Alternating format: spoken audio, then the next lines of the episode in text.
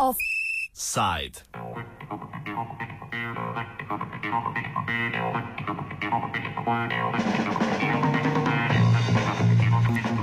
Živimo v času, ko se zapirajo ministrstva za kulturo, ko se zapirajo razni javni zavodi. V času, ko Republika Slovenija prejema pomoč Evropske unije v obliki hrane. V času, ko so dijaki brez subvencioniranih toplih obrokov in štipendij. Dobro, naj bo, saj je vendar čas gospodarsko-finančne krize. Če bomo danes stisnili zobe, bo jutri boljše, je logika, ki jo promovira evropska gospodarska politika. Toda, ko pogledamo celotno sliko, se zdi, da nekaj enostavno ne ustreza. Če vzamemo za sliko Evropsko unijo in v njej na eni strani ni dovolj denarja za topel diaški obrok, na drugi pa ga je dovolj, da dobijo ljudje, ki malo boljše igrajo nogomet, po milijon evrov plače na mesec, nekaj ni v redu. Celotno sliko so nam še bolj izostrili v angleški nevladni organizaciji z imenom Tax Justice Network. Izdali so namreč poročilo, v katerem so na podlagi obširne študije objavili podatke, da najbogatejši ljudje na svetu v davčnih oazah, kot so Kajmanski otoki in podobnih idiličnih krajih, skrivajo okoli 20 tisoč milijard neobdavčenih evrov. Samo za širši kontekst, po podatkih Guardiana, objavljenih maja letos, so bile evropske države skupno zadolžene za okoli 10,5 tisoč milijard evrov.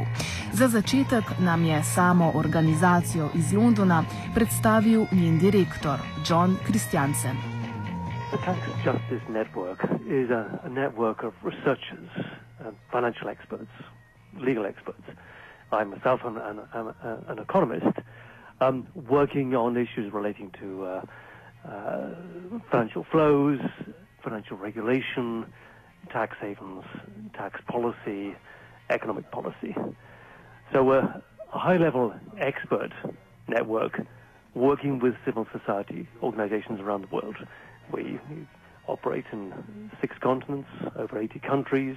Uh, many hundreds of us involved.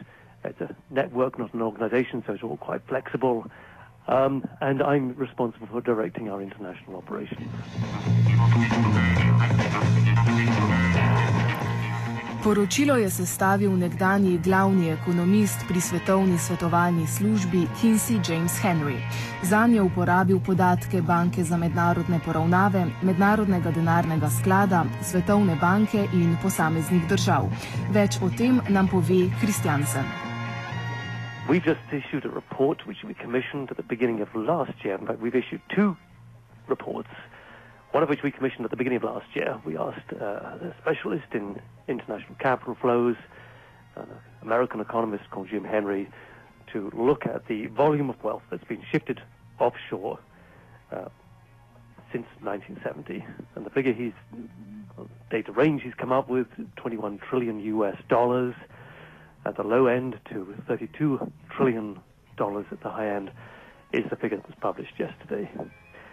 The second piece of research looked at global inequality and the way that inequality is measured. Our concern here was that most measurements of inequality takes no account whatever of offshore wealth. So we spoke to economists and statisticians around the world who specialize in measurement of inequality, and they've all confirmed uh, our our concern that inequality, as it's currently measured, the the statistics that, that inequality measures are based upon do not take account of offshore wealth. Combine the two bits of research, and you recognize that first of all there is a huge stock of wealth now held offshore typically hidden behind offshore trusts and offshore companies. And that wealth is not being accounted for in global measures of inequality. On the background, on that basis, we say that measures of inequality are massively understated. Krivdo za neenakost, ki je vsak dan večja, je torej moč najti prav v davčnih oazah. O tem, kako so nastale in kako je potekal njihov razvoj, nam je povedal dr. Bogomir Kovač, profesor na Ljubljanski ekonomski fakulteti. No, davčne oaze imajo uh, precej dolgo zgodovino. Uh, nastale so uh, skozi zgodovino sodobnih uh, tržnih sistemov tako, da so vse uh, države nekako poskrbele, da so imele neko posebno področje, uh, kjer so se lahko posli vršili nekako zunaj obstoječih uh, zakonodajnih okvirov. Eh, zlasti veste, da je eh, en izmed temeljnih regulativnih eh, vzvodov ravno davčni sistem in davki so poleg seveda socialno-fiskalnih osnov, imamo jih zato, da financiramo potem preko proračunov seveda javne izdatke, uh, so davki tukaj tudi zato, da regulirajo uh, zasebno dejavnost in tokove zasebnega kapitala.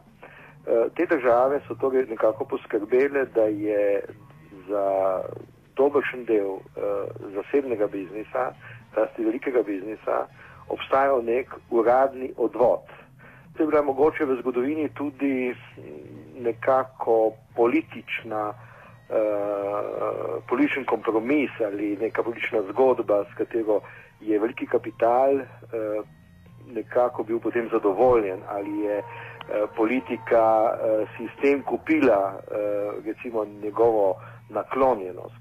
Vse države, Velika Britanija, Združene države Amerike, uh, Nemčija, Švica, Francija in tako dalje so torej imele to vrstne izpostave, skoraj da nizozemske in tako naprej. E, tako da to je pravzaprav neka, e, lahko rekli, sistemska e, značilnost, e, skozi katero se je kapitalizem skozi 20. stoletje razvijal in ki je očitno nastal kot rezultat nekega kompromisa med velikim kapitalom in pa politiko glede Eh, razvoja eh, socialno-tržnih gospodarstv in po drugi strani nekakega kompromisa med eh, političnim in pa seveda pravim finančnim kapitalom.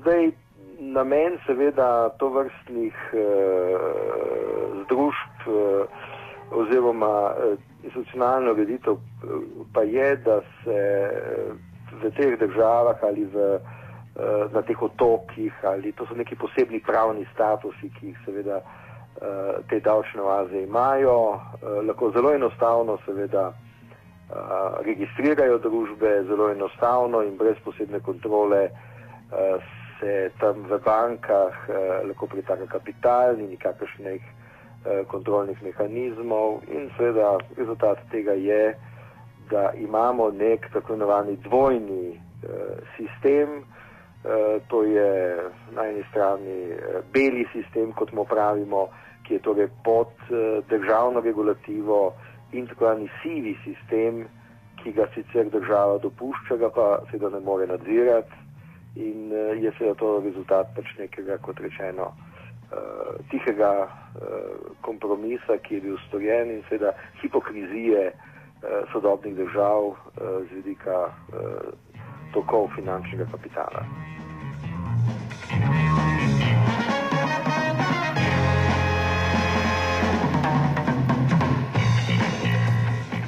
Primankljaj, ki nastane z bogatenjem najbogatejših na račun neplačevanja davkov, je seveda velik. Država potem svojo blagajno skuša zapolniti z različnimi ukrepi, kot so neposredni davki, davek na dodano vrednost in podobno. Vsi ukrepi pa tudi neposredno vplivajo na standard življenja številnih ljudi, govori Kristjansen. Over the last 40 years, what we've seen is countries are being forced to lower their tax rates on capital. Uh, they're suffering huge amounts of tax evasion because of companies using offshore tax havens uh, and, and rich people using offshore tax havens. And in response to that, governments are introducing indirect taxes like value added taxes and sales taxes, which impact more heavily upon poorer households. So this has a very, very negative effect not just in terms of making inequality worse, but also slowing economic growth and harming social stability.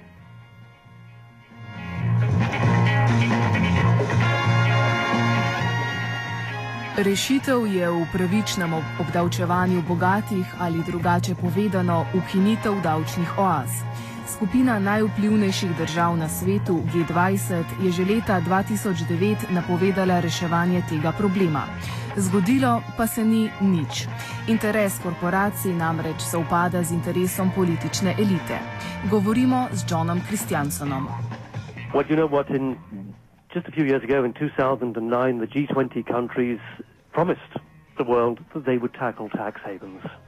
Uh, they made that commitment in London in 2009, but since then the measures they've taken have been very weak, very ineffective, uh, and ta- the tax haven economy continues.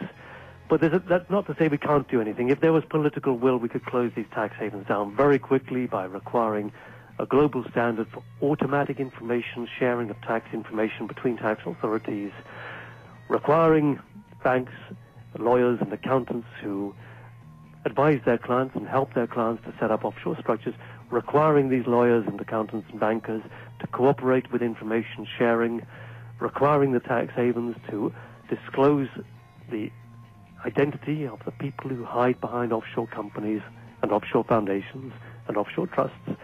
So there's a lot that could be done if there was political will to do something about it. But the the the, uh, the reality is that at the moment G20 countries are not serious about tackling tax havens, and this is probably because many of the leading G20 countries are themselves tax havens. The United Kingdom is one, um, and and there's huge resistance from countries like Switzerland, Austria, and Luxembourg within the European Union to to taking measures, effective measures against tax havens. So, I, in my opinion, what's needed at the moment is civil society pressure, ordinary people to put pressure upon politicians to take effective action against tax havens. Politično elito hranijo bogati, ki si ne želijo zapustiti idiličnih otokov. Več, dr. Kovač. To je nedvomno. Poglejte, G20 je takrat v tistem prvem obdobju eh, rekli, šoka, ekonomskega šoka in hkrati seveda politične streznitve. Eh, obljubil marsikaj, obljubil je novo mednarodno eh, finančno ureditev, obljubil je nove regulativne mehanizme, s pomočjo katerih bi skušali obvladovati eh, mednarodne finančne tokove in obljubil je takrat tudi eh, poizkus to vrstnega obdavčenja. Eh, najbrž bi posledično to tudi pomenilo, da bi se tako ali drugače potem eh, lotili odprave tako imenovanih davčnih oaz.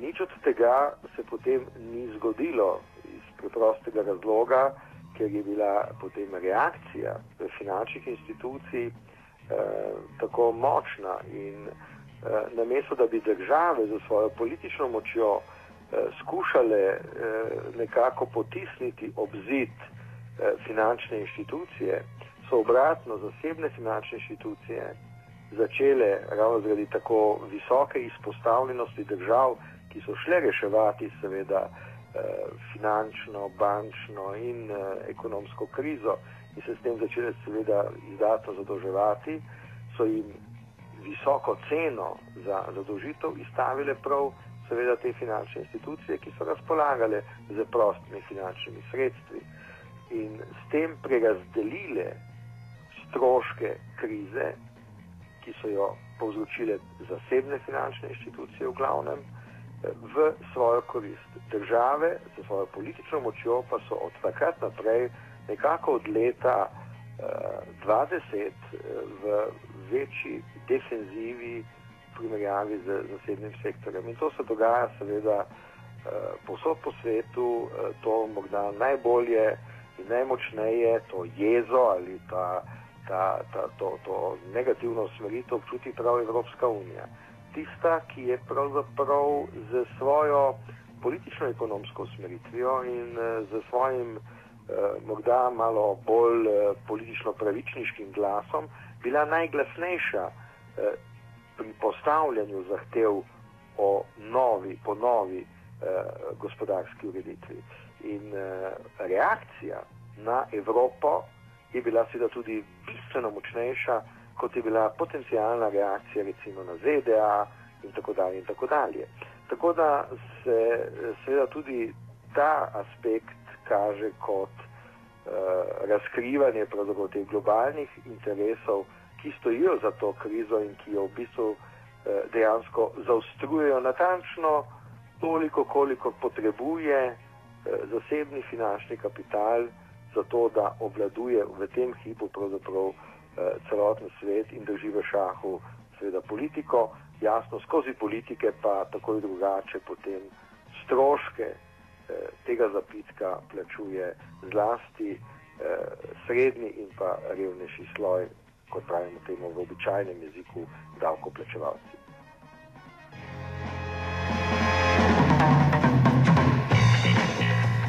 Vsi davkoplačevalci na svetu, ki držijo državne blagajne po konci, so lahko upravičeno jezni. Kaj pa je najboljše? Še ena krvava revolucija. Kako v boljši in predvsem bolj pravičen jutri? John Christiansen vidi v glasu ulice rešitev. Um, well, um, we, we do take to the streets. In the UK, we've had UK Uncut and the Occupy movement taking to the streets, demanding an end to tax havens. But at the same time, there's a need for much, much more research into how tax havens operate, how they affect different countries, and so on. So, you know, we, sorry, I'll start again. So we need both more research and we need people to take action on the streets and bring political pressure to bear for change. Daleč od te ideje pa tudi ni profesor Bogomir Kovač. O politični volji, formalno-pravnih okvirih in drugih principih z naslednjim pogledom na rešitev problema prav on zaključuje ponedeljkov offside.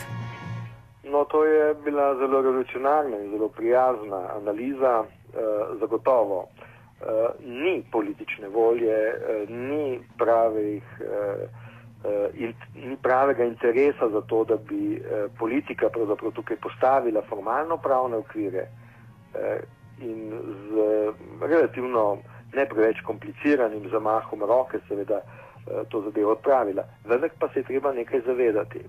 Eh, če ne bo pri tem šlo za tako imenovano eh, koordinirano akcijo na svetovni ravni, nismo ničesar napravili.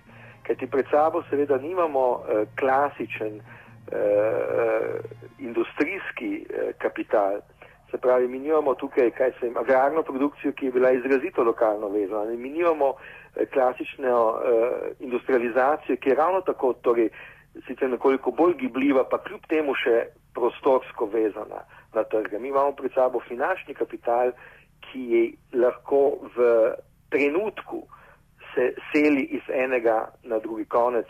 Finančni kapital je popolna abstrakcija in z tega vidika seveda je eh, ta sistem neovladljiv oziroma neulovljiv, vkoliko ga ne postavimo kot del svetovne finančne gospodarske ureditve. Ker pa tega interesa in tega dogovora na svetovni ravni seveda ni, ne, eh, je pa seveda dogovor toliko težji in mislim, da to zasebni eh, kapital pravzaprav zelo dobro izkorišča. Eh, zdaj, imeti seveda kot vzvod pred sabo svetovno revolucijo je seveda na nek način hvalevredna opaska, je pa ravno tako utopična, kot seveda danes upati, da se bo eh, samo omejil pravzaprav sam finančni kapital. Tako da je pred nami nek, eh, lahko rekli, dolgotrajni proces medsebojnega usklajevanja. Najbrž bo ta finančna kriza in eh, ta fenomen, da je pravzaprav temeljni vzvod te krize prav neovladljivost in eh, premehna regulativnost celotnega finančnega vzvodja prisilil in hkrati tudi samo omejil tudi sam finančni svet, ki bo spoznal, da potrebuje zaradi samega sebe večjo regulacijo.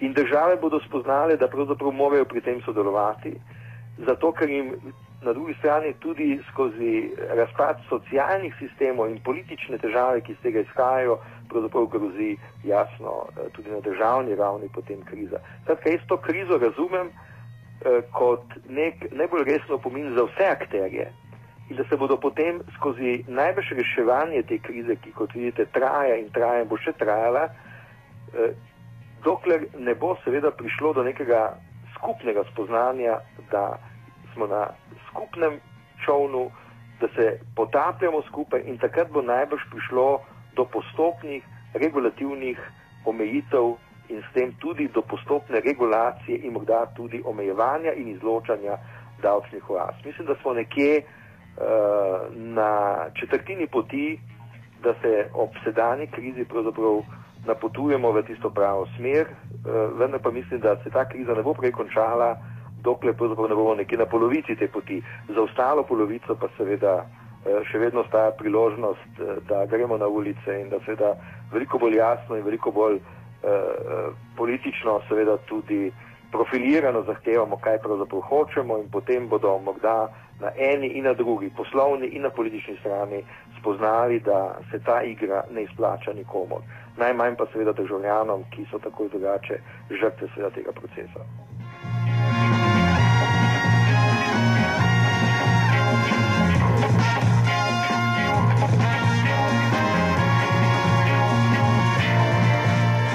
Offside je pripravil Marko Kraševec.